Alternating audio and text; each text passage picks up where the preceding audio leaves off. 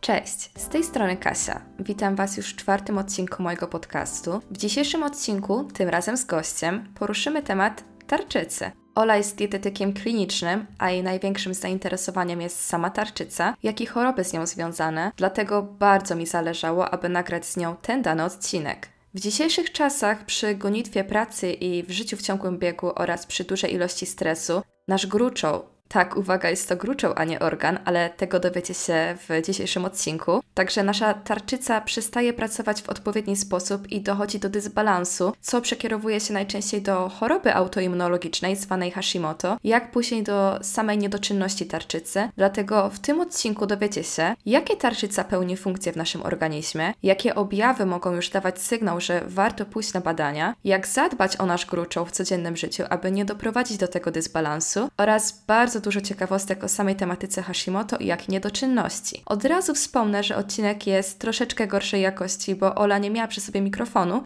i musiałyśmy się ratować innymi sposobami, ale mam nadzieję, że nie będzie to dla Was stanowiło dużego problemu. Także co, zapraszam do odsłuchania. Cześć Ola. Cześć, witam Cię bardzo serdecznie.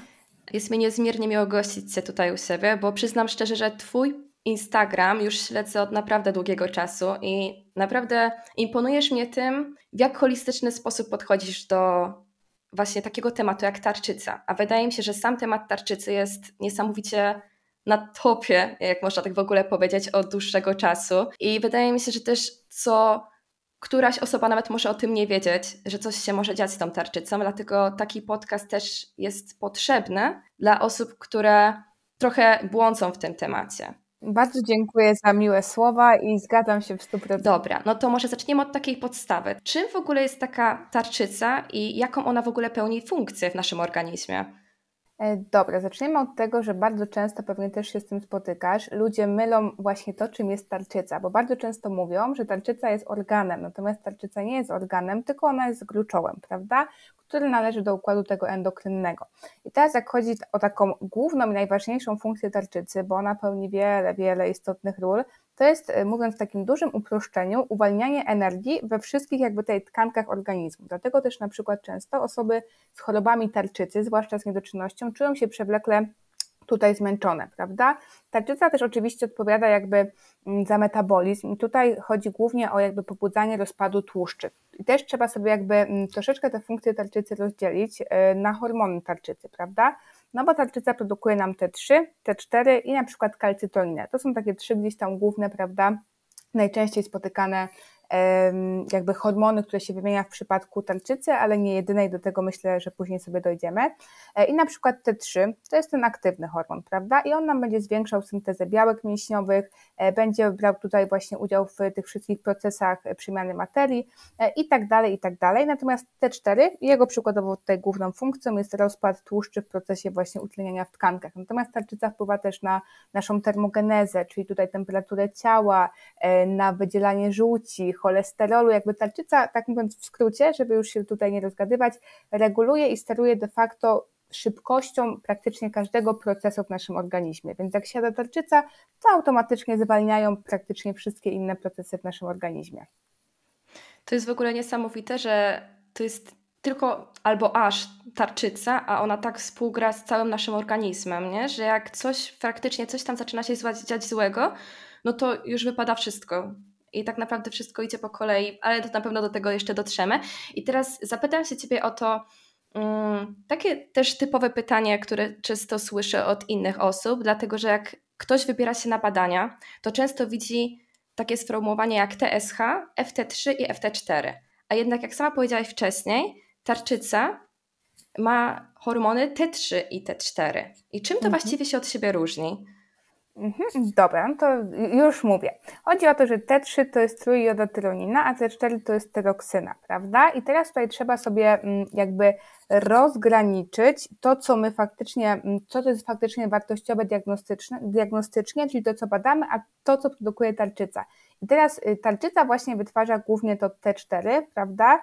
E, no i tam częściowo w 20% to T3, prawda? Natomiast tutaj jakby mm, FT3 i FT4 to jest taka jakby mm, składowa, tak, tego, T, tego T4 i, T3, i tego y, T3, przepraszam, i to jest jakby ta aktywna część, prawda, która jakby nie jest związana z białkami nośnikowymi, E, I de facto ta aktywna część, prawda, tutaj tych hormonów, to jest to, co jest dla nas faktycznie wartościowe, jeżeli chodzi o funkcję, o działanie w organizmie.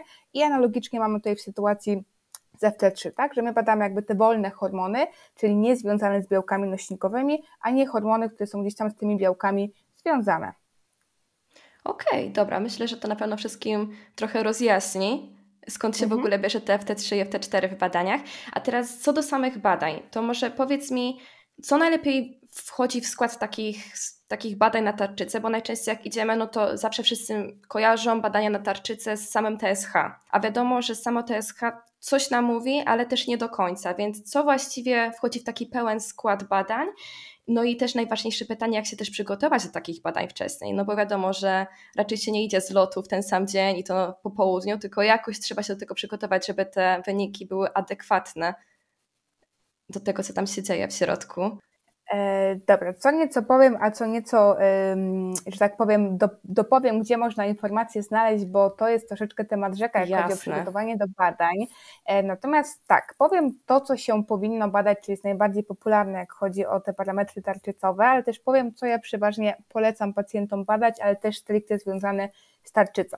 No bo teraz tak, jeżeli podejrzewamy jakąś niedoczynność, nadczynność tarczycy, czy jakąkolwiek inną chorobę, no to powinno się wykonywać pełen panel tarczycowy. Tak, oczywiście TSH bo TSH gdzieś tam będzie nam korelowało, jakby regulowało, tak, taka jest jego funkcja, wydzielanie tego FT, no głównie FT4, T4, ale też częściowo T3, już tak odruchowo mówię czasami FT3, bo tak tłumaczę pacjentom, bo oni czasami nie wiedzą o co chodzi Jasne. i się gubią i jest im łatwiej, także tutaj przepraszam, jakbym tutaj te nazwy mieszała, chodzi o T4 i T3, natomiast to, to jest też składowa, pamiętajcie, prawda?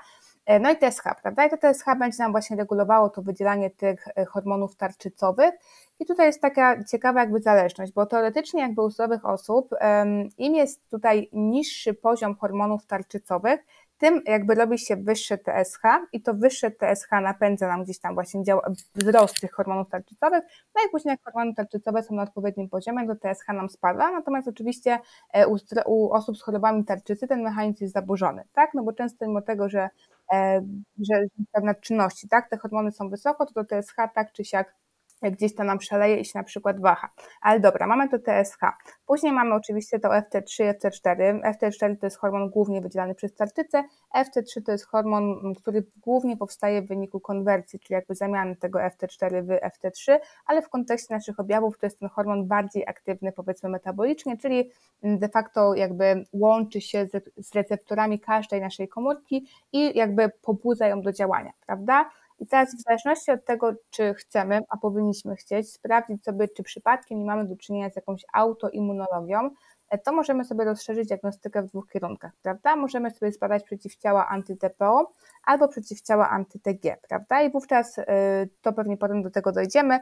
Gdzieś tam możemy mieć podejrzenie jakiegoś Hashimoto, jak sobie to skonfrontujemy z USG, które też polecam robić, bo tam też różne kwiatki mogą wyjść, albo jeżeli bardziej podejrzewamy u, ciebie, u siebie, przepraszam, gdzieś tam nadczynność tarczycy na tle choroby Gravesa Bejzedowa, czyli takiej autoimmunologii powiązanej, jakby taka analogia do Hashimoto, tylko że skorelowana z nadczynnością, to wtedy badamy sobie przeciwciała anty-TSHR albo inaczej to się nazywa przeciwciałami TRAP. Natomiast ja też bardzo często, jeżeli zwłaszcza mam pacjentów z małą tarczycą albo pacjentów, którzy są po operacji usunięcia tarczycy, bardzo często proszę jeszcze o badanie kalcytoniny, bo tutaj mało kto mówi, że tarczyca jakby też bardzo mocno jakby odpowiada za tą regulację, regulację gospodarki wapniowo-fosforanowej, prawda? kalcytoninę, która reguluje to stężenie wapnia i fosforu razem z parathormonem, jakby wydziela, prawda? I często właśnie pacjenci niedoczynnością tarczycy mają też niedobór kalcytoniny i to też się o tym nie mówi, ale jest to bardzo, bardzo ciekawe i to jest de facto taka podstawa e, fizjologii. Nie? I gdzieś tam właśnie ta nieleczona niedoczynność tarczycy, niewyrównana czy brak przestrzegania diety gdzieś tam niskofosforanowej przy zaburzeniach tak, tej kalcytoniny i parathormonu doprowadza często e, właśnie u tych osób do no, do rozwoju na przykład osteoporozy czy osteomalacji, prawda? Także tutaj też trzeba uważać. No i ja też czasami proszę pacjentów y, o badanie jodu w dobowej zbiórce moczu i o poziom białka całkowitego, jak mają problemy z tarczycą. Dlaczego? Dlatego, że w ogóle podstawowa zasada jest taka, że mamy tyrozynę, czyli aminokwas, ona nam się łączy z jodem, prawda? Ten jod potem musi być utleniony do formy organicznej przez peroksydazę i powstaje nam tak zwana tyreoglobulina. I dopiero jakby z tej tyreoglobuliny powstają nam hormony tarczycowe, więc jak pacjent ma niedobór jodu, jak pacjent w ogóle nie je białka i nawet w surowicy to białko całkowite wychodzi mu obniżone, no to ta tarczyca w ogóle nie ma jak pracować, tak? Więc tutaj e, jakby trzeba działać przyczynowo, a nie od razu powiedzmy gdzieś tam stosować Lettox i oczywiście u takich pacjentów, którzy mają z tym problem i takie niedobory, prawda? Dobra, a jeszcze jak się do tych badań przygotować? Jeszcze było jak je przygotować, no to y, z takich najważniejszych podstaw, to tutaj oczywiście tak, no na badania idziemy na czczo, tak? I teraz zawsze pada pytanie, e, ile to, by, ile to znaczy na czczo? Ja przeważnie polecam około 12, 10-12 godzin, raczej bym tego postu nie wydłużała do 16 godzin, bo to też potrafi zafałszować badania. E, kolejna ważna podstawa, to raczej stosujemy taki typowy gdzieś tam właśnie dla nas dzień, tak? Czyli nie musimy drastycznie na przykład aktywności fizycznej ograniczać, ale nie robimy jakiegoś mega wysiłkowego treningu, prawda? E, na kolację tutaj bardziej polecam zjeść sobie lżejszą kolację przed badaniem, żeby na przykład nie zaburzyć wyników lipidogramu. Natomiast ważna kwestia jest taka, że e, zawsze pada pytanie, czy wolno wziąć lek przed badaniem. I tutaj ja przeważnie to pacjentom upraszczam i mówię, żeby jak dadzą radę, wzięli lek sobie po. Natomiast jeżeli my badamy sobie samą TSH, to ten lek możemy przyjąć, tak? Bo jakby lewotyroksyna to jest po prostu jakby dostarczenie tego w badaniach naszych FT4, prawda? Natomiast jeżeli badamy sobie FT4 i też częściowo FT3, no to leku wtedy nie bierzemy, bo po prostu wyjdzie nam w krwi, prawda? To, co my przyjęliśmy, tak, w tym leku, a nie to, co faktycznie mamy. I tak już upraszczając, e, jakby polecamy i gdzieś tam nie spożywamy najlepiej 5 dni przed podaniem e, żadnych suplementów, napadów, jakichś tam turbomocno ziołowych, tego typu rzeczy po prostu no nie jemy, tak, bo to też może zafałszować gdzieś tam wyniki badań. Dobra, a co myślisz w ogóle też o USG tarczycy? Myślisz, mhm. że to tak jest dobry sposób na takie podstawowe badania, czy to raczej USG wchodzi już w takie rozszerzenie badań, jeżeli widzimy, że faktycznie z tą tarczycą w samych takich badaniach z morfologii już coś jest nie tak?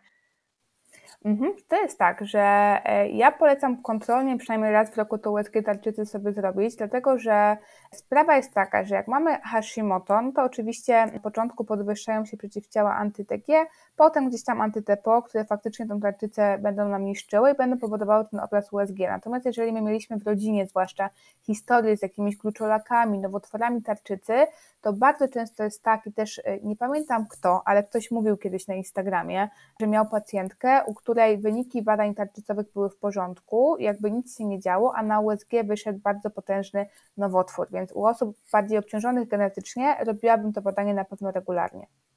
O matko, to faktycznie. A jest jakaś taka pigułka wiedzy, gdzie właśnie można znaleźć takie przygotowania do takich badań? W sensie, mm. czy masz w ogóle coś takiego, gdzie faktycznie ktoś by mógł przeczytać to i też faktycznie się do tego przygotować lepiej?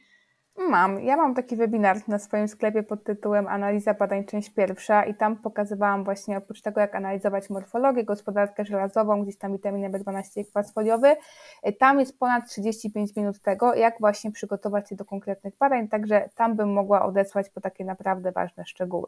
E, tutaj faktycznie też wspomnę może od siebie, że ja ten webinar też kiedyś sobie wykupiłam, jak wszedł na Twój sklep i powiem Ci szczerze, że to jest naprawdę mocna pigułka, pigułka wiedzy, bo każdy może mieć jakąś swoją wiedzę i wiadomo, też uważam, że jest dużo osób na Instagramie, które mają porządną wiedzę, ale też trzeba umieć przekazać tą wiedzę takim osobom, które są totalnie zielone w tych tematach i które dopiero wchodzą w to, na przykład właśnie kupując, uważają, że z badań po prostu wyszło, że coś jest nie tak i chcą zrozumieć, co mają iść albo w jakim kierunku mają dalej dążyć. I jesteś taką jedną z nielicznych osób, która potrafi to taki płynny, fajny sposób przekazać, że taka osoba, która jeszcze wczoraj nie miała pojęcia, co to jest tarczyca, już na następny dzień wie, jak się za to zabrać, żeby się do tego wszystkiego przygotować, nie? I to jest naprawdę, to jest naprawdę super, dlatego też... To się bardzo cieszę, także dziękuję. Odsyłam, na pewno odsyłam. I dobra, no to jak już mówiłyśmy o tych badaniach, to od czego właściwie zacząć od tych badań? No bo coś musi się dziać w naszym organizmie, żebyśmy w ogóle pokierowali się na te mhm. badania, czyli jakie są takie podstawowe objawy, które mogą przyczyniać się do takich właśnie niedoczynności tarczycy? Naszym organizmie. Mhm. No objawów pewnie wiesz i pewnie osoby, które chorują na tarczycę jest cała masa i de facto nie ma jakby jednej grupy objawów, która jest u każdego pacjenta, natomiast no, takie najczęstsze objawy, zwłaszcza na początku, e, to zaczyna się od wypadania włosów, jest nam wiecznie zimno, tak, bo tak jak mówiłam, tarczyca wpływa bardzo mocno na termoregulację, nie możemy się nagrzać, tak, chodzimy co chwilę w jakichś kocach, bluzach czy swetrach, na przykład latem, e, słabe paznokcie, szybko się męczymy, mamy zadyszkę białą, gdzieś tam taką cerę, prawda, przezroczystą, E, mamy na przykład problem ze schudnięciem, prawda, bo to nie jest tak oczywiście, że się nie da schudnąć z niedoczynnością tarczycy, żebym wyjaśniła, natomiast faktycznie e, jakby wolniejsza praca tarczycy skorelowana z niższym poziomem hormonów tarczycowych, zwłaszcza z niskim poziomem T3, wpływa po prostu na to, że nasze zapotrzebowanie energetyczne jest mniejsze, więc o 10-20% maksymalnie, więc faktycznie troszeczkę ciężej może być schudnąć, prawda? Tutaj też czasami jakieś zaburzenia miesiączkowania, problemy trawienne, bo tarczyca też na przykład wpływa na mm, tempo wydzielania tych objawów może być naprawdę bardzo dużo, natomiast najczęstszym takim objawem jest po prostu na początku, prawda? Taka przewlekła senność, brak chęci do życia, jakaś mgła mózgowa w przypadku Hashimoto, e, jakieś wypadanie włosów, właśnie takie puchnięcie, czy problemy z odchudzaniem. To jest, to jest takie najczęstsze. No i najczęściej te, te właśnie takie objawy powinny nas skłonić do wykonania tego panelu tarczycowego i sprawdzenia sobie gospodarki insulinowo-glukozowej, prawda? Bo to też gdzieś tam te objawy są bardzo do siebie podobne. Natomiast w przypadku nadczynności jest przeważnie, bo nie mówię, czy zawsze, zupełnie odwrotnie. Tak, przeważnie ci pacjenci bardzo chudną, ale też mam przypadki pacjentek, które no, mają nadwagę przykładowo, mają nadczynność tarczycy, więc to nie jest zero-jedynkowe. E, mają duszności, szybko im bije serce, jest im właśnie wiecznie gorąco, robią się czerwoni na twarzy i są przede wszystkim wiecznie nerwowi. Tak, jakby pierwszym objawem tego, że się pojawiają w ogóle przeciwciała te TRAP albo anty-TSHR, e, to jest wieczna nerwowość i taka labilność emocjonalna, czyli tak zwane, wiesz, skoki, nie? Mhm. A właśnie wspomniałeś wcześniej dość sporo razy o samej chorobie Hashimoto. Może wspomnisz w ogóle, czym jest takie Hashimoto przy niedoczynności tarczycy? To jest, tak mówiąc ładnie, przewlekłe linfocytarne zapalenie tarczycy. Hashimoto to jest taki skrót, prawda? Też mało osób o tym wie, ale to mówię, żebyście po prostu kojarzyli, prawda? E, I teraz, no, jakby choroba Hashimoto, e, ja tak zawsze tłumaczę pacjentom, bo wszyscy to mylą.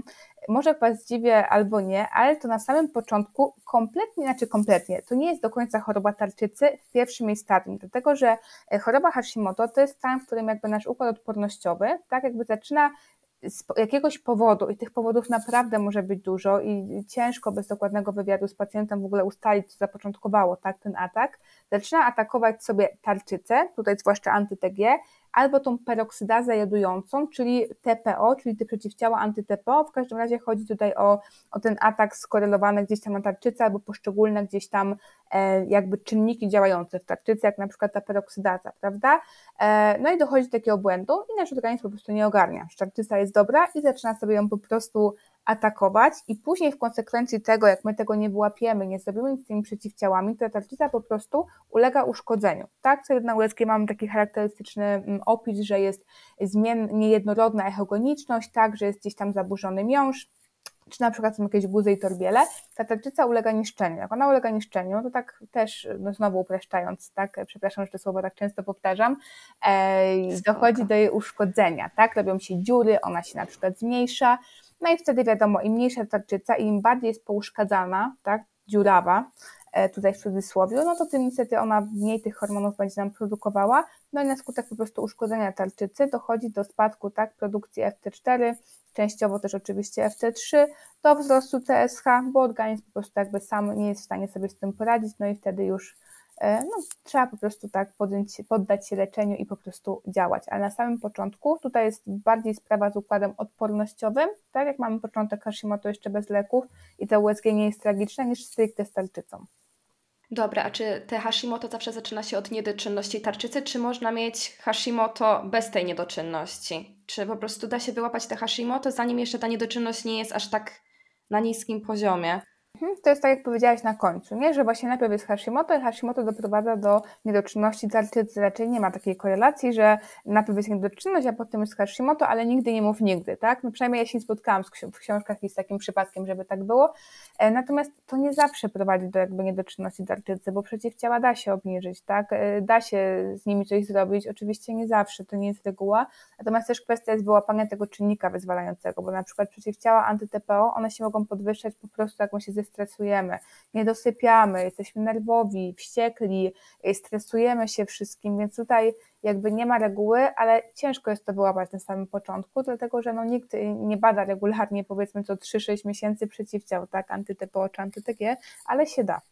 Dobra, to może teraz jeszcze wspomnimy o tym, jakie są takie fundamentalne zasady podczas takiej choroby Hashimoto czy, czy samej niedoczynności tarczycy, co właściwie zrobić, bo najczęściej ludzie sięgają, no bo tak lekarz też nakazuje, po te leki, nie? Letrok czy, czy Eutyrox, ale zapomina o takich fundamentalnych zasadach w zdrowym funkcjonowaniu, bo skądś te Hashimoto się bierze, nie? Jakiś czynnik zapalny w organizmie musi się wydarzyć, żeby powstało te Hashimoto, więc co teraz zrobić takiego, żeby trochę uspokoić ten organizm i dojść do takiej homeostazy, można by rzec.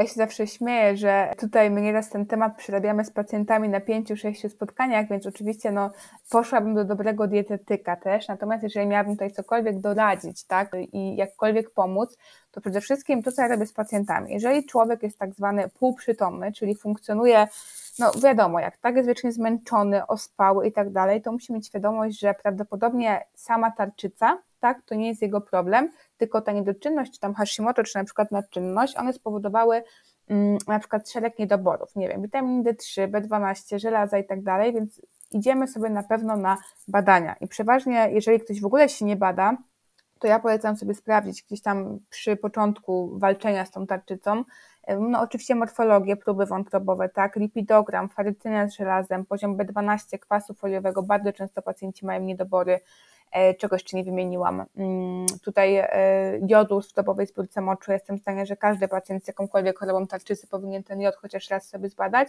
bo to jest naprawdę częsty problem i czasami te wyniki są naprawdę załamujące. E, I jakąś glukozę i na przykład insulinę naczczo. Tak, od tego sobie wychodzimy, ewentualnie poziom homocysteiny, żeby ustalić, czy nie ma jakiegoś tam ryzyka chorób sercowo-naczyniowych i czy mamy odpowiednie wysycenie B12 i kwasem foliowym. Także zaczynamy sobie od tego. E, potem lecimy sobie tutaj w zależności od wyników badań z suplementacją, tak? Tylko tutaj też nie chciałabym dokładnie mówić jakie dawki, kiedy, bo to się dobiera indywidualnie. Natomiast są suplementy, które mają po prostu udowodnione działanie naukowe, jak chodzi o obniżanie poziomu przeciwcia, jak mówimy tutaj o gravesie, czy na przykład Hashimoto. E, I to jest na przykład olej z czarnuszki, tak? To jest na przykład, to są kwasy omega-3 dobrej jakości, to jest witamina D3, to jest e, inozytol w połączeniu z selenem, też pamiętajcie, że antyTPO, one się podnoszą zarówno jak jest nadmiar jodu, ale też jak jest niedobór jodu, tak? Bo to są przeciwciała, które atakują nam peroksydazę jodującą, jak sama mówi, więc tutaj bardzo mocno trzeba uważać, bo stąpamy po cienkim lodzie, tak? Między granicą za wysoko, a za nisko. E, co jeszcze? Gdzieś tam działanie przeciwzapalne, czyli wszelkiego rodzaju jakieś przyprawy przeciwzapalne, tak, typu kurkumina, cynamon, jakiś imbir. E, I też tutaj jest taki problem, że e, czasami niektórzy lekarze, rzadko z tym się spotykam, przypisują leki przeciwzapalne na Hashimoto i ci pacjenci się jakby cieszą, że spadł im poziom przeciwciał, Natomiast później, jak te leki odstawiają, to te przeciwciała znowu rosną, więc na to sobie naprawdę uważajcie, bo to nie ma sensu. E, I to jest ta kwestia. Kolejna kwestia to jest zmiana stylu życia, o co pytałaś, prawda? E, niestety, czy się właśnie tak. komuś to podoba, czy nie, ale styl życia to jest podstawa, zwłaszcza jak mamy za wysokie TSH, za wysokie przeciwciała, a hormony mamy e, unormowane lekami, prawda? Dlatego, że TSH i przeciwciała, one są bardzo wrażliwe na kilka rzeczy, tak? Przede wszystkim na stres, czyli na to życie w biegu tak zwane. Mm, kolejna sprawa to jest sprawa z wysypianiem się. Tutaj niestety, ale nawet niewyspanie się w nocy może spowodować, że TSH nagle, nie wiem, z dwóch skoczy nam do sześciu rano w wynikach badań, więc na to uważamy, tak? Przewlekle wysoki kortyzol. E, kolejna sprawa, aha, jeszcze nie powiedziałam, prolaktyna, tak? Jak mamy wysokie TSH cały czas, warto sobie prolaktynę zbadać, bo prolaktyna też nam będzie zasilała, prawda? E, gdzieś tam produkcję tego TSH. Mm, i dieta, tak? Tutaj no, odstresowanie się, mówiąc ogólnie dużym uproszczeniu, jeżeli też y, mam, mam nie powtarzać tego samego. I ważna kwestia, też funkcjonowanie względem rytmów dobowych. To jest w kontekście tarczycy regulacji poziomu przeciwciał też bardzo ważny temat, tak? Czyli tak mówiąc najprościej, e, nie wstajemy o godzinie 12, tak? Tylko raczej wcześniej, chodzimy spać wcześniej, nie opychamy się na noc i rozkładamy sobie te posiłki tak, żeby te cięższe posiłki raczej były we wcześniejszej fazie dnia, a kolacja, żeby już była taką kolacją po prostu lżejszą, żeby sobie przewodu pokarmowego nie przeciążać. Natomiast jeżeli chodzi o dietę, to tutaj e, stabilna glikemia, tak? Czyli ustalamy sobie jakąś daną ilość posiłków w zależności od długości dnia w równych odstępach czasowych i staramy się je bilansować, żeby była na pewno odpowiednia podaż białka, dlatego że tak jak mówiłam na początku, jak nie ma jodu i nie ma tyrozyny, czyli aminokwasu, to nie ma szans, żeby w ogóle powstały hormony tarczycowe i to są w ogóle takie podstawy podstaw, jak chodzi tutaj o dietę. One są banalnie proste, ale nieraz najcięższe dla pacjentów. Czyli jednym słowem, po prostu unormować swój rytm dobowy, trochę niwelować ten stres, chociaż wiadomo, w dzisiejszych czasach jest to dość ciężkie i jak komukolwiek się mówi, niweluj trochę ten stres, no to każdy tak po prostu patrzy spod byka, jak mam to zrobić, ale no, no jakby zdrowie jest najważniejsze, nie? I nawet czasami trzeba odpuścić to, co się dzieje w, nie wiem, w pracy, czy, czy jakikolwiek, jakikolwiek czynnik zapalny się tam odbywa w organizmie, czy tam w życiu, to po prostu trzeba w tym momencie się uspokoić, zrobić taki głęboki oddech i zastanowić się, Jakaś co yoga, zrobić, żeby... wysypianie się chociażby. Dokładnie. jesteśmy w stanie zrobić. To nie musi być tak, że zmieniamy pracę nagle, prawda? Bo to jest też niemożliwe. No, zależy o których. Może jak są jacyś młodzi ludzie, typowo studenci, bo też zauważam, że studenci szybko łapią Hashimoto, tak młode osoby, dlatego że po prostu jadą całym impetem przez cały dzień, trochę studia, trochę praca, potem wieczorami impreza i po prostu rytm dobowy jest praktycznie no, zerowy, jest tak zniszczony, że organizm po prostu już nie wyrabia. Dobra, a teraz to, mhm. co do samej suplementacji, to właśnie wspomniałeś, że nie ma jakby takiej suplementacji do e, niedoczynności tarczycy, która byłaby dla każdego, bo jakby to jest indywidualne i każdy po prostu musi spojrzeć na swoją morfologię i na swoje niedoczynności, jakby to wszystko ze sobą korelować i dobrać jakąś odpowiednią suplementację. Tylko w dzisiejszych czasach patrzymy, ja zauważam to często, że ludzie bez pójścia na badania już po prostu gdzieś wyłapią, że a dobra, bo tutaj koleżanka suplementuje to, więc może ja też zacznę to suplementować, bo może mi też to pomoże, bo czynniki mamy troszeczkę podobne. I co właśnie sądzisz o takim zachowaniu? Czy właśnie warto sięgać po suplementy, bo tak koleżanka na przykład proponuje, czy jednak podstawą jest to, żeby właśnie wybrać się do tego dobrego dietetyka, który zaleci odpowiednie badania i potem właśnie te suplementacje wdrożyć, bo też właśnie zauważyłam, że ludzie wolą wydawać na suplementy niż na taką porządną konsultację z dietetykiem, nie? Bo jakby, bo jest za drogo, ale suplementy już za nie wiadomo, tam za stówę, za 200 zł to nie jest żaden problem. No to jest tak, że no taka jest, tak powiem, moda i jakby jasne, tutaj są suplementy gorsze i lepsze. Jak chodzi o suplementację, to ja uważam, że tak, no podstawową suplementację typu na przykład to, że trzeba suplementować magnez czy witaminę D3, bo mamy niedobory, prawda? Czy ktoś sobie będzie, nie wiem, łykał okresowo witaminę C bez konsultacji z nikim, to uważam, że jeszcze nie jest tragiczne, tak? Natomiast bardzo często właśnie, e, zwłaszcza w chorobach tarczycy, bo do tego się będę odnosiła, e, wpadamy właśnie w taką pułapkę e, trzech składników, jodu, selenu i cynku. No i nieraz spotykam się właśnie, jak ja to mówię, z takimi agentami na konsultacjach, że ktoś na przykład łyka bardzo duże dawki właśnie jodu, bardzo duże dawki selenu, bardzo duże dawki cynku, i nigdy nie badał poziomów i tak sobie leci od roku na przykład, nie?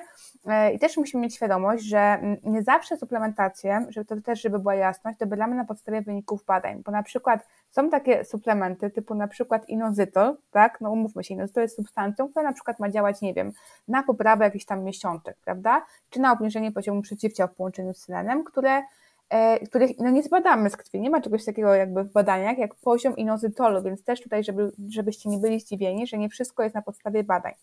Natomiast jakieś odniesienie, jakim w ogóle poziom musimy mieć, zwłaszcza jak suplementujemy tak zwane metale ciężkie, typu ktoś sobie suplementuje molibden, ktoś sobie suplementuje jakieś tam żelazo, właśnie selen, cynk, gdzieś tam takie powiedzmy mocniejsze pierwiastki, wtedy warto mieć ten poziom wyjściowy, bo powikłania no, też mogą być, tak? Na przykład bardzo często nadmiar selenu, to jest często spotykane u pacjentów, to jest błędne koło, e, jakby objawia się wypadaniem włosów. Natomiast niedobór selenu też się objawia wypadaniem włosu, ale nie aż takim mocnym jak nadmiar tego selenu. I to jest błędne koło, że pacjentki na przykład myślą, że mają niedoczynność, wypadają im włosy, no to one muszą suplementować selen, a one potem robią mi to badanie selenu i tam jest trzy razy ponad normę, nie? Nie selenu, tylko peroksydazy glutatynowej, bo to jest gdzieś tam dokładniejsze badanie, jak chodzi o selen, e, ale się okazuje, że mają koszmarny nadmiar, więc no tutaj jakby podstawową suplementację, tak, wtedy 3 magnez czy TC, to nie jest problem. Natomiast jak ktoś już chce sobie leczniczo, leczniczo zadziałać, no to tutaj już bym e, uważała, że tak powiem. No i kwestia dawek, tak? Gdzieś tam jak ktoś sobie maleńkie dawki będzie stosował, taka prawda, że nic mu one za bardzo nie dadzą, ale też bardzo mocno nie zaszkodzą. Tylko jak już zrobimy to na własną rękę, to pamiętamy o jakichkolwiek przerwach, tak? No bo też nie każdego stać na dietetyka, natomiast są filmy, tak? Tutaj e, jakby nie mam współpracy i tak dalej, nikt mi nie płaci za to, ale na przykład Tyroset, który bardzo fajnie działa w kontekście tarczycy, e, Health Labs ma też jakieś e, suplementy na tarczycę, to są takie powiedzmy standaryzowane z małymi dawkami, więc jak ktoś okresowo, nie wiem, miesiąc, dwa sobie pobierze, to tak, ale jak ktoś wpada na pomysł, że będzie leciał przez rok, wiesz, całą suplementację od A do Z ułożoną bez przerwy, to Fajnie, że w ogóle wspominasz o tym, że da się też przedawkować suplementy, bo chyba niektórzy myślą, że można tak po prostu sobie brać na zapas, bo nic się nie stanie, no ale też to dochodzi do negatywnych skutków, tak. nie? Więc no to jest prawda. A jeszcze co do samych leków. No bo wiadomo, że każdy zawsze jak słyszy niedoczynność tarczycy, no to to się równa najczęściej lekiem Letrox czy Eutyrox. I teraz powiedz mi, czy takie leki są najczęściej już na całe życie związane z danym pacjentem, który choruje, czy da się jakoś dojść do takiej, no do takiego stopnia, że już te leki nie są aż tak bardzo potrzebne, tylko po prostu raz na jakiś czas trzeba e, zrobić badania i zobaczyć, jaki jest stan i zobaczyć, czy właśnie znowu trzeba do tych leków trochę wrócić, czy nie, czy po prostu da się te leki położyć w którymś momencie, już po nich nie sięgać, czy jesteśmy jakby skazani trochę już na nie do końca. Jeżeli jest pacjent, który przyjmuje dawkę powiedzmy 125, czyli dużą dawkę, gdzieś tam właśnie lewotyroksynę, E, od iluś tam lat, to raczej ciężko jest tak, takiej jakby, jak to ładnie powiedzieć, takiej tarczycy powiedzmy już nauczonej, tak, spowolnionej, że ona i tak dostaje te sztuczne leki, ciężko ją gdzieś tam zastymulować. Natomiast jakby tak szczerze, najłatwiej jest te leki, e, oczywiście pod okiem lekarza, e, odstawić czy wybronić się z ich brania przez całe życie na początku choroby, tak, czyli w momencie, kiedy my widzimy, że już jest niedoczynność tarczycy, Mm, zrobimy sobie badania, jakby znajdziemy dobrego specjalistę, bo ja bym tego nie robiła na własną rękę, to mówię jakby od razu, tak, że gdzieś tam kombinowanie z zamianą leków na suplementy, czy jakieś tam protokoły lecznicze, to raczej nie na własną rękę, bo to więcej szkody niż pożytku z tego wyjdzie.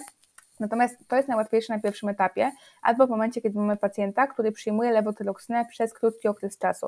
Im dłużej, tym jest ciężej, bo leki, mówiąc tak kolokwialnie, rozleniwiają nam po prostu tarczycę, tak? Tarczyca też nie jest głupia, organizm nie jest głupi, ona wie, że dostanie sztuczny lek gdzieś tam z zewnątrz, no i ona tych hormonów będzie produkowała po prostu naturalnie jeszcze mniej. Natomiast e, da się, bo miałam takie przypadki, ale jest to bardzo ciężkie, bo to musi być naprawdę osoba, która jakby na dany rok, bo to nie trwa z dnia na dzień, postawia sobie za cel ogarnięcie swojego zdrowia i jest w stanie się podporządkować pod zalecane badania, które są no, czasami bardzo drogie, tak, bo gdzieś tam trzeba sprawdzić, czy przypadkiem tu czegoś nie brakuje, czy coś nam nie zaostrza, na przykład, nie wiem, tej autoimmunologii, czy nie osłabia nam tarczycy. E, to jest kwestia suplementacji, tak? Też musimy pamiętać, że oczywiście nie chodzi o kupowanie najdroższych suplementów, ale bardzo często za ceną idzie też jakość, jeżeli mamy sprawdzone firmy, tak? I jest różnica między kwasami omega-3 za 100 zł, a kwasami omega-3 za 15 zł, więc tutaj też trzeba, trzeba mieć na to przestrzeń. To jest kwestia czasu, tak? Że raczej nie da się tych leków odstawić, jeżeli ktoś będzie mi pracował e, na przykład na zmiany nocne, tak? I będzie biegał na przykład po jakimś magazynie to jest dieta, tak, czyli przestrzeganie, no niestety wtedy rygorystycznie, tak, pewnych zaleceń żywieniowych, żeby szukać, czy przypadkiem nie ma jakiegoś czynnika żywieniowego, jakiejś substancji antyodżywczej, która będzie nam po prostu blokowała działanie tarczycy, więc e, nigdy nie chcę mówić, że tak, da się, wiesz, odstawiajmy leki, już na hura, e, zapiszcie się do mnie na konsultację, to odstawimy leki, no bo tak to nie działa, tak? Jakby warto próbować. Już miałam sytuację, kiedy po prostu lekarz zmniejszał, zmniejszał, zmniejszał, zmniejszał dawki leków, aż w końcu nawet na dawce po prostu 25 mg, czyli najmniejszej dawce lewotyroksyny, e, no pacjent miał bardzo niskie TSH i poziom hormonu FC4, bo na tej podstawie się gdzieś tam dobiera, prawda, te leki, tych dwóch tutaj parametrów, miał ładny i wtedy lekarz jakby odstawia, tak, tutaj tą, e, te leki i po prostu każe regularnie to sprawdzać, prawda? Ale tutaj nie ma jedno, jednoznacznej odpowiedzi. Powiem tak, że najłatwiej jest e, załatwić sprawę wbrew pozorom Hashimoto, które dopiero zaczęło się rozwijać, tak? I jeszcze nie doprowadziło do spadku TSH, wzrostu TSH, ani spadku hormonu FC4. To jest de facto najłatwiejsze, jeżeli ktoś się mocno zaprze. Natomiast im dalej w las, tym już gorzej. A powiedz mi jeszcze, jeżeli chodzi o nietolerancję, jeżeli ktoś po prostu ma jakąś nietolerancję, której jeszcze jakby w sobie mm, nie odnalazł, jakby gorzej się czuje po jakimś produkcie, czy to też ma mhm. wpływ na właśnie Hashimoto? Ma i to bardzo duży, dlatego że jeżeli my czegoś nie tolerujemy, e, mamy, nie wiem, tolerancję, tak, alergię, czyli to białko działa alergizująco, to to jest jakby białko dla nas e, obce, nieczytelne i szkodliwe, tak, i teraz jakby jedzenie czegoś szkodliwego, tak, czegoś tak upraszczając, żeby każdy zrozumiał tutaj w tym podcaście, co po prostu jest dla naszego organizmu niejasne, niezrozumiałe, jakby nietrawione do końca w dobry sposób, e, staje się takim czynnikiem mm, jakby prozapalnym. Tak? Gdzieś tam, nie wiem, jak ktoś ma alergię na przykład na jajka, no tak sobie zje jajko, to on dobrze wie, że to jajko zjadł i się czuje po prostu tragicznie, dlatego że to jest składnik, który pobudza działanie układu immunologicznego w przypadku alergii, prawda? Czyli znowu, a my pamiętamy, że w Hashimoto tak czy siak ten układ immunologiczny, on jest popsuty i wadliwy, więc na przykład na jedzenie produktów, nie wiem, nietolerowanych czy alergizujących będzie powodowało wzrost bardzo mocny poziomu przeciwciał e, i też TSH częściowo, tak? Miałam pana, który robił panel, panel alergiczny, wyszła mu alergia mm, na pszenicę, to była alergia, nie żadna nietolerancja, żeby była jasność, alergia na chyba gruszki, śliwki, bataty i też na żyto miał alergię. O, Tutaj część miał, no to tak wyszło, ale chodzi o to, że on szukał przyczyny, dlaczego on ma ciągle wysokie TSH, mimo że miał 125 lewotyroksyny, czyli już dawkę praktycznie e, no, wysoką. Tak, powyżej setki to, setki to są już dawki bardzo wysokie, jak chodzi o te leki. I miał bardzo ładne wyniki badań, tylko miał to TSH powyżej 6, nie?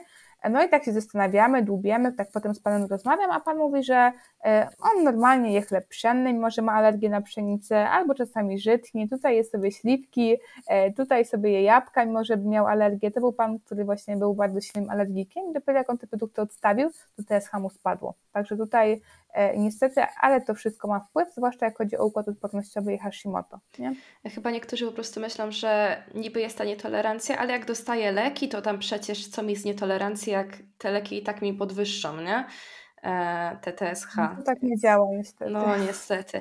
A jeszcze co do samej diety, bo o tym też mało wspomniałyśmy jeszcze, e, czy są jakieś produkty, na które trzeba ogólnie uważać? Już teraz nie wchodźmy w nietolerancję, no bo wiadomo, że to jest o wiele głębszy temat, e, temat wręcz rzeka, w ogóle jelita i sama mhm. tarczyca, mhm. ale czy są takie produkty w diecie, które trzeba eliminować albo po prostu nie łączyć z lekami? Co po prostu, na co trzeba najlepiej uważać?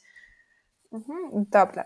Ja tylko zacznę od tego, tak już pokrótce nie będę wchodziła w temat, że tutaj teraz sporna kwestia gluten nabiał. To jest sprawa indywidualna, jakby jedni pacjenci faktycznie to muszą eliminować, inni nie muszą, tak? No bo celiakie często występują, no to często, no zdarza się w Hashimoto i tak samo gdzieś tam te alergiczne wrażliwości też się zdarzają, ale to jest kwestia bardzo mocno indywidualna. Taka sama sprawa jest na przykład z jajkami. Natomiast no, najważniejsza kwestia to jest kwestia na przykład przyjmowania leku. Pamiętajcie i diety, tak? Pamiętajcie, że jak bierzecie lewotyroksynę, to absolutnie tak do najlepiej dwóch godzin po przyjęciu leku nie pijemy kawy. To jest pierwsza kwestia. Śniadanie przeważnie polecam mieć najszybciej po godzinie i uważamy na soję jedzoną w pierwszej części dnia, tak? Bo soja bardzo mocno, nawet do 6 godzin, może blokować przyswajanie lewotyroksyny, więc to jest ważne. E, to, czego ja gdzieś tam, to co, to, co mówiłam i co jest ważne, tak, to jest to bilansowanie posiłków, czyli ta podaż białka, bo inaczej nie ma szans, żeby w ogóle e, wytworzyła się tyrozyna, ta tyreoglobulina, czyli to białko. I tutaj ja mówię pacjentom tak, zwłaszcza w chorobach auto, że im prostsza i mniej przetworzona dieta, czyli mniej kombinacji, jak chodzi o jakieś dziwne produkty, e, nie wiem, typu zero kalorii i tak dalej, e, tym de facto w kontekście tarczycy jest lepiej, tak? Tarczyca potrzebuje i białka, i tłuszczu. Natomiast tutaj bardzo zawsze każdemu pacjentowi mówię, bo no i czytałam badania i widać to na pacjentach, jak się z nimi pracuje, uważamy na pszenicę, tak? Czy przy insulinoporności, czy przy właśnie chorobach tarczycy, dlatego, że pszenica no to jest produkt bardzo mocno przetworzony i po prostu widzę bardzo dużą korelację między mm, jakby dietami pacjentów, którzy na przykład żywią się kanapkami z chleba pszennego na trzy posiłki, a poziomem przeciwciał i tym, jak potem na przykład te przeciwciała spadają.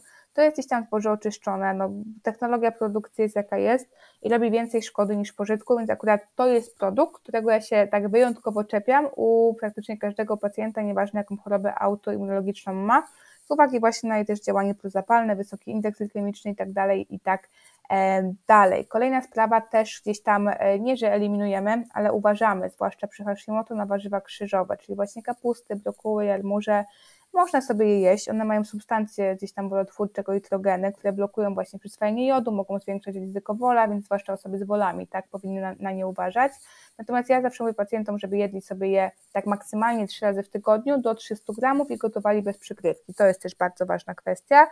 E, no i wartościowość tej diety, tak? Czyli tutaj zwłaszcza białko pełnowartościowe, gdzieś tam nie do końca dieta wegańska e, czy bardzo uboga wegetariańska dobrze się w chorobach tarczycy sprawdzi. I też pilnowanie jakby produktów bogatych w żelazo, bo bardzo często przy chorobach tarczycy no, występuje ten niedobór żelaza, prawda?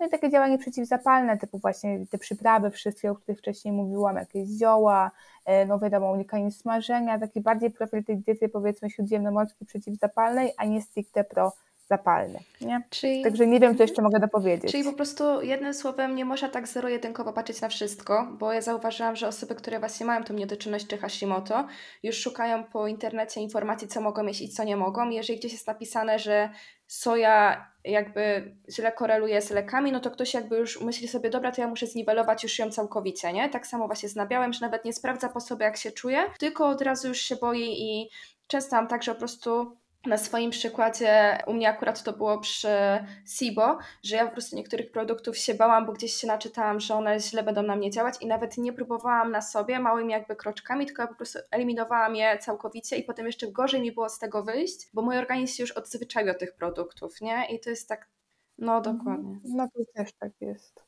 Także trzeba sobie odróżnić taką dietę zdrową i też gdzieś tam dietę powiedzmy bardziej leczniczą, terapeutyczną, która ma na celu albo zdiagnozowanie jakiegoś problemu, typu, nie wiem, jakiejś tam tolerancji pokarmowej, tak, czy przyczyny dolegliwości, e, od diety, która e, no, jest taką dietą jakby na co dzień. Nie? Natomiast tutaj e, dieta no, nisko przetworzona, tak? I nie kombinowanie z jakimiś dziwnymi rzeczami. Mhm. A zapomniałam się Ciebie jeszcze zapytać wcześniej, czy jeżeli ktoś idzie na takie podstawowe badania morfologii, już nawet nie wchodząc w FT3 i FT4, no bo wiadomo, że to już jest oddzielnie, czy da się już wyłapać z samej takiej morfologii czystej, erytrocyty, leukocyty, że coś właśnie się dzieje w tej tarczycy? O tym też y, gdzieś tam mówiłam, w tym webinarze, o tej mhm. analizie mhm. badań, część pierwsza. E, natomiast tutaj e, można to wyłapać, znaczy mówię o zwykłej morfologii, tak? Mhm. E, o lipidogramie też mam szkolenie na swoim sklepie i na przykład w lipidogramie stosunek LDL do HDL-u często może korelować właśnie z autoimmunologią. To jest bardzo charakterystyczne i praktycznie wszyscy pacjenci z niewyrównanym Hashimoto mają stosunek LDL do HDL-u 1 do 1. Natomiast w morfologii niedoczynności tarczycy stricte nie, ale jakieś Hashimoto u niektórych niektórych tak i tutaj zwłaszcza takie parametry e, typu niskie leukocyty bardzo, to jest gdzieś tam może korelować, bo to nie jest jakby oczywiście jedyny marker tego, że jakby to nie jest swoisty parametr dla Hashimoto, niskie leukocyty to może mogą być też inne czynniki, prawda? Natomiast na przykład obniżone neutrofile, e, jakby takie tak zwane, jak ja to mówię prościej, strzałki w obrębie układu białoklinkowego, tak? Czyli na przykład leukocyty, monocyty, eoznofile, bazofile, jak tam mamy dużo rzeczy porozjeżdżanych, tak? Jedne są za wysoko, jedne są za nisko, żeby tutaj już nie wchodzić w szczegóły, to wtedy też możemy mieć taki sygnał, że nasz układ immunologiczny wariuje, tak? Te przeciwciała odpornościowe, no i być może, y, może przyczyną może być na przykład jakaś autoagresja, natomiast to nie są swoiste parametry dla, dla, dla Hashimoto czy glawesa bejcydowa i nie zawsze, nie wiem, obniżone neutrofile, a podwyższone bazofile będą korelowały z autoimmunologią, nie? Dobra, i teraz jeszcze y, wracając do samej Hashimoto, jest jakiś taki czynnik y, prozapalny, który może jakby wskazywać, że te Hashimoto, Hashimoto może u nas powstać, w sensie, czy jest może jakieś powiązanie z czymś, że te Hashimoto, jak o czymś nie zadbamy, może u nas po prostu powstać. W sensie, jak zadbać trochę o tą taką naszą tarczycę, takimi podstawowymi rzeczami, żeby was nie, mm, nie sprawić sobie tego, tych problemów potem w przyszłości. Nie? Mówię bardziej o takich osobach, które mhm. jeszcze nie chorują, ale jak mogą się przestrzec, że tak powiem, przed tym, żeby jakby nie doszło do tego Hashimoto, bo jak sami, same powiedziałyśmy wcześniej, to jest taka choroba, która łapie już prawie co drugą osobę, tylko niektórzy mogą jeszcze o tym nie wiedzieć, bo no jakby czynnik sam zapalny takiego stresu już nawet powoduje, że ta tarczyca nam gorzej pracuje, więc właśnie co zrobić, żeby trochę zadbać o tą tarczycę? To jest tak, że też o tym temacie mogłabym godzinami gadać, bo tych czynników jest naprawdę cała masa i też Monika Gackowska miała takie fajne szkolenie kiedyś na sklepie, właśnie 10 czynników prozapalnych e, w chorobie Hashimoto, więc też nie do końca chciałabym tak, e, mówiąc brzydko, cytować jej szkolenie tutaj z wiadomych powodów e, kropka w kropkę. Wiadomo. No właśnie, natomiast tutaj no to co mówiłam, tak? Najczęściej ten stres, życie wieku, są też czynniki genetyczne, natomiast właśnie niedobór i nadmiar jodu, tak? Są pacjenci, którzy jak w ogóle nie mają jodu, tak? Wychodzi im poziom mniej niż 40, to gdzieś tam właśnie e, dochodzi do tego Hashimoto, czy niedoczynności tarczycy samej, ale też na przykład nadmiar jodu, tak? Tutaj też jakaś ekspozycja i przeciążenie metalami ciężkimi, bardzo często osoby, które na przykład e, pracują na polu, tak? Przy opryskach, w jakiejś hucie na przykład, czyli mają to obciążenie gdzieś tam na pestycydy albo metale ciężkie, też czasem dochodzi do rozwoju Hashimoto, tak? Osoby, które jedzą no, złe, tak? Wiem, że niektórzy mówią, że nie ma złego jedzenia, ja się, ja, się, ja się z tym nie do końca zgadzam, tak zwane śmieciowe jedzenie, jak ja to po prostu wprost mówię, też to jest czynnik ryzyka, bo to jest po prostu nasilenie się stanu zapalnego w organizmie, tak? Na przykład osoby y, z niewyrównanymi hormonami płciowymi, typu na przykład, nie wiem, podwyższoną prolaktyną, to też jest czynnik jakby ryzyka rozwoju Hashimoto.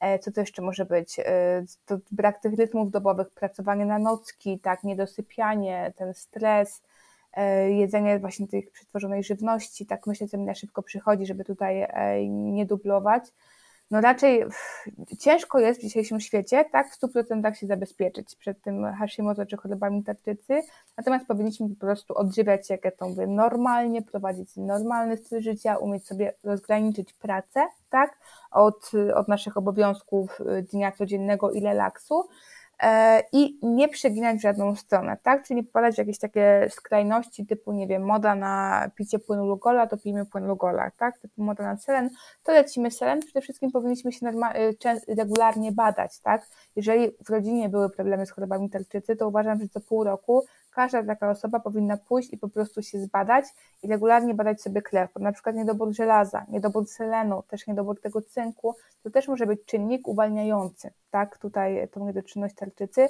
więc na to bardzo mocno bym y, po prostu uważała.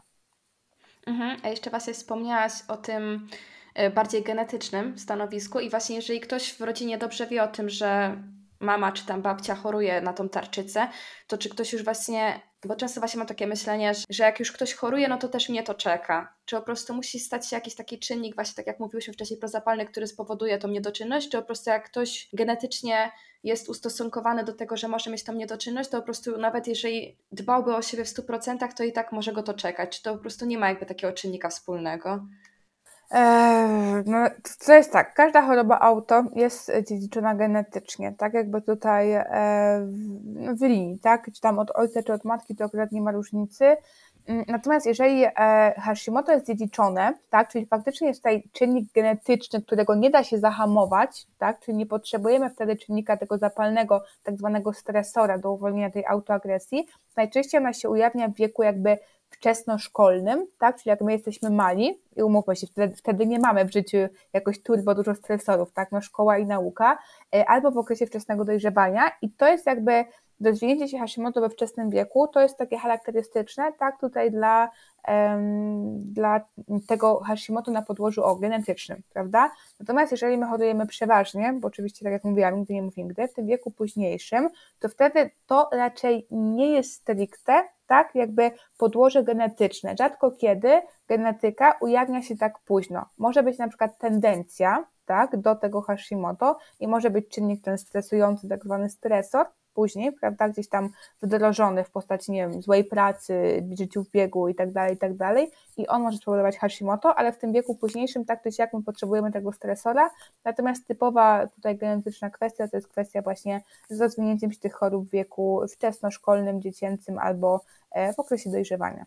Także tym to się od siebie różni. Dobra, i teraz jeszcze takie moje ostatnie pytanie, co do właśnie tych badań i do w ogóle chodzenia na badania. Czy właśnie polecasz takie profilaktyczne chodzenie? Bo najczęściej ludzie są nauczeni, że coś się dzieje w moim organizmie, więc wtedy dopiero idę na badania, no i wtedy już po prostu no wiadomo, no coś się tam dzieje, więc trzeba potem to naprawiać, ale też ludzie zapominają o tym, że właśnie profilaktycznie chodzić raz na kilka miesięcy, czy nawet już nawet raz do roku na badania. I co właśnie, jakie ty masz zdanie o tym? E, jakieś badania, znaczy jakieś, badania trzeba robić przynajmniej raz w roku, takie jest moje stanowisko, chyba, że ktoś woli się leczyć niż zapobiegać, ja uważam odwrotnie, lepiej zapobiegać niż leczyć, żeby odpowiednio po prostu wcześniej to wszystko wychwycić i tak się śmiejesz, bo e, ja jestem ogromną fanką badań, dlatego też nagrałam te webinary, że nawet mam taki webinar u siebie na stronie, kiedy, jakie badania warto wykonać i tam właśnie też, e, tak mówiąc brzydko po kolei, krok, czy brzydko to nie, ale po kolei, więc krok po kroku tłumaczyłam co, kiedy warto po prostu robić, także no tak, bo później jakby leczenie jest dużo droższe, bo i tak trzeba się leczyć prywatnie mimo ubezpieczenia w dzisiejszych czasach,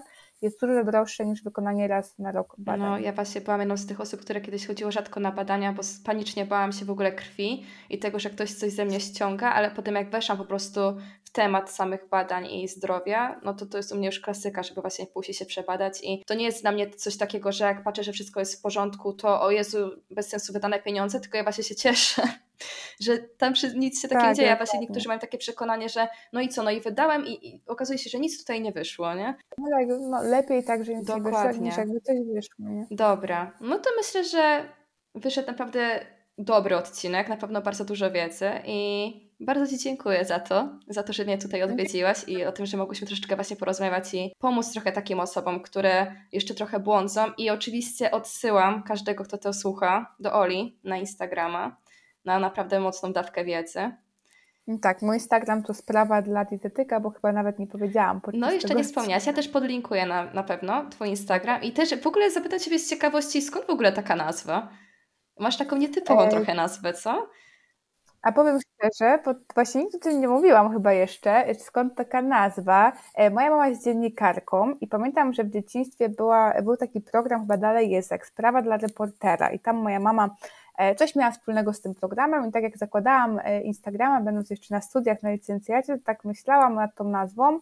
Nie chciałam swojego imienia i nazwiska wtedy i tak wymyśliłam, że skoro jest sprawa dla reportera, to zróbmy sprawa dla dietetyka. I też był taki problem, że większość nas, które wcześniej wymyśliłam, były już zajęte, jakby już były takie profile, a ten akurat był jeszcze wolny, także tak Ale to mega wyszło. fajne, bo właśnie lubię takie nazwy, które wchodzą i łatwo je zapamiętać, bo są takie inne, nie? Bo najczęściej zauważam też, jak wymyślałam swój podcast, bo mój podcast nazywa się Kasimiętka, po prostu próbowałam znaleźć coś, co będzie tak może trochę dziwne, ale też dobrze zapamiętane, bo mówmy się, jakby ktoś słyszy imię, nazwisko z dopiską dietetyk, no to średnio, nie? Jakby ktoś to po prostu średnio może zapamiętać. No więc fajnie, fajnie, bardzo fajna nazwa. Na pewno właśnie o to, jak kiedyś na Ciebie trafiłam, i nawet zanim Cię zaobserwowałam, to po prostu szybko Cię znalazłam, bo mi tak wpadła w pamięć ta nazwa, że wiedziałam, jak się dokładnie nazywa, więc mega fajnie. Dobra, Ola, to dziękuję Ci bardzo i mam nadzieję, że jeszcze kiedyś do zobaczenia. Może właśnie zobaczymy, jak się, czy ludziom się w ogóle spodoba ten odcinek, a myślę, że tak, więc y, popytam, co by jeszcze chcieli usłyszeć, bo to tak jak sama mówiłaś, to jest temat rzeka, więc jeżeli będą mieć na pewno jeszcze jakieś pytania, to, to zaproszę Cię na pewno po raz kolejny. Dziękuję Ci bardzo. No, dziękuję bardzo. Dzięki, dzięki cześć. No i to jest koniec tego odcinka. Klasycznie, na sam koniec, jeżeli podobał Wam się ten odcinek, to będzie mi niezmiernie miło, jak pozostawicie po sobie jakiś ślad w formie obserwacji i oceny. Przypominam, że na co dzień widzimy się na moim Instagramie o nazwie Katarzyna Lowejko i oczywiście do usłyszenia za tydzień. Trzymajcie się, cześć!